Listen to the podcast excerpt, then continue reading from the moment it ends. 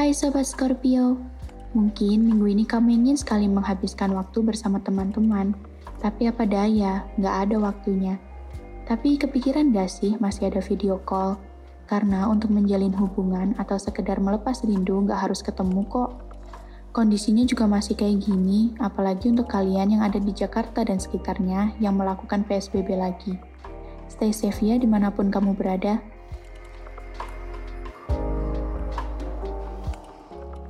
Percintaan untuk Scorpio Lovebird.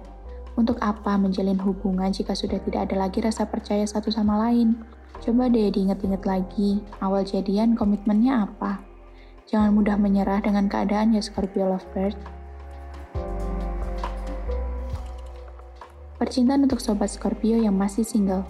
Jika tak kunjung mendapat pasangan, artinya peluang kamu untuk dijodohkan semakin terbuka.